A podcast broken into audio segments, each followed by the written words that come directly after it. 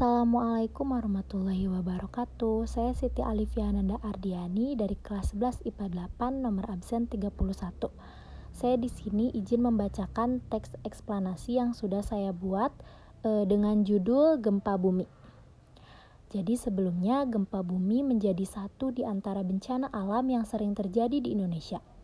Menurut BMKG, gempa bumi adalah peristiwa bergetarnya bumi yang diakibatkan oleh patahnya lapisan batuan pada kerak bumi. Untuk gempa bumi yang diakibatkan oleh pergeseran lempeng ini disebut gempa tektonik. Gempa bumi biasanya terjadi di perbatasan lempengan-lempengan. Gempa bumi yang paling parah biasanya terjadi di perbatasan lempengan kompresional dan translasional. Penyebab gempa bumi umumnya adalah pelepasan energi yang dihasilkan oleh tekanan yang disebabkan oleh lempengan yang bergerak. Semakin lama, tekanan itu kian membesar dan akhirnya mencapai pada tekanan yang tidak dapat ditahan lagi oleh pinggiran lempengan. Lalu, akibatnya apa ya?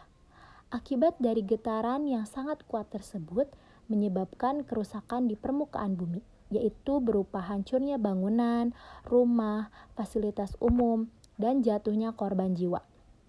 Kesimpulan dari teks eksplanasi yang sudah saya buat adalah teruslah berhati-hati karena gempa bumi dapat terjadi kapan saja. Apabila terjadi gempa bumi, segera cari tempat berlindung.